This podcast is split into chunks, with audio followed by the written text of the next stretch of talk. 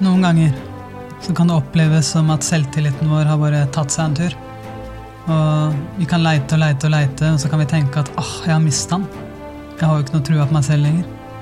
Men bare vit det at eh, selvtilliten løper ikke ut av kroppen din. Hvis du har hatt selvtillit i noe du har gjort, så er den bare akkurat nå kanskje i ferd med å leke gjemsel med deg. Kanskje er den begravd under en historie av tvil, usikkerhet, en historie som repeterer feila du har gjort, en historie eller en stemme i hodet som har begynt å gjenta for deg selv at fordi om du gjorde én feil, så betyr det at du nå ikke har selvtillit lenger, men hva hvis det er mulig at den historien går på loop, ikke for å minne deg om hvor dårlig du er, men for å minne deg om nysgjerrigheten? For å minne deg om mot? For å minne deg om at det er akkurat nå du blir testa. Det er nå du kan velge å prøve igjen. Det er nå du kan reise deg.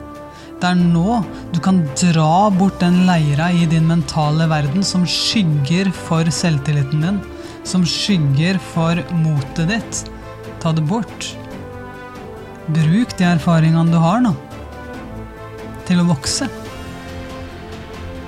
Begynn å trene igjen. Start med det enkle. Start med det enkleste av det enkle du kan gjøre for å mestre igjen. Hva er det enkleste av det enkle du kan gjøre nå? Kobe Bryant stilte seg alltid rett under korva. På hver eneste trening stilte han seg under kurven gang etter gang etter gang og starta med de enkle skudda før han gikk to meter bakover, selv på det tidspunktet hvor han var verdens beste basketballspiller. Så hva er det enkle av det enkle for deg?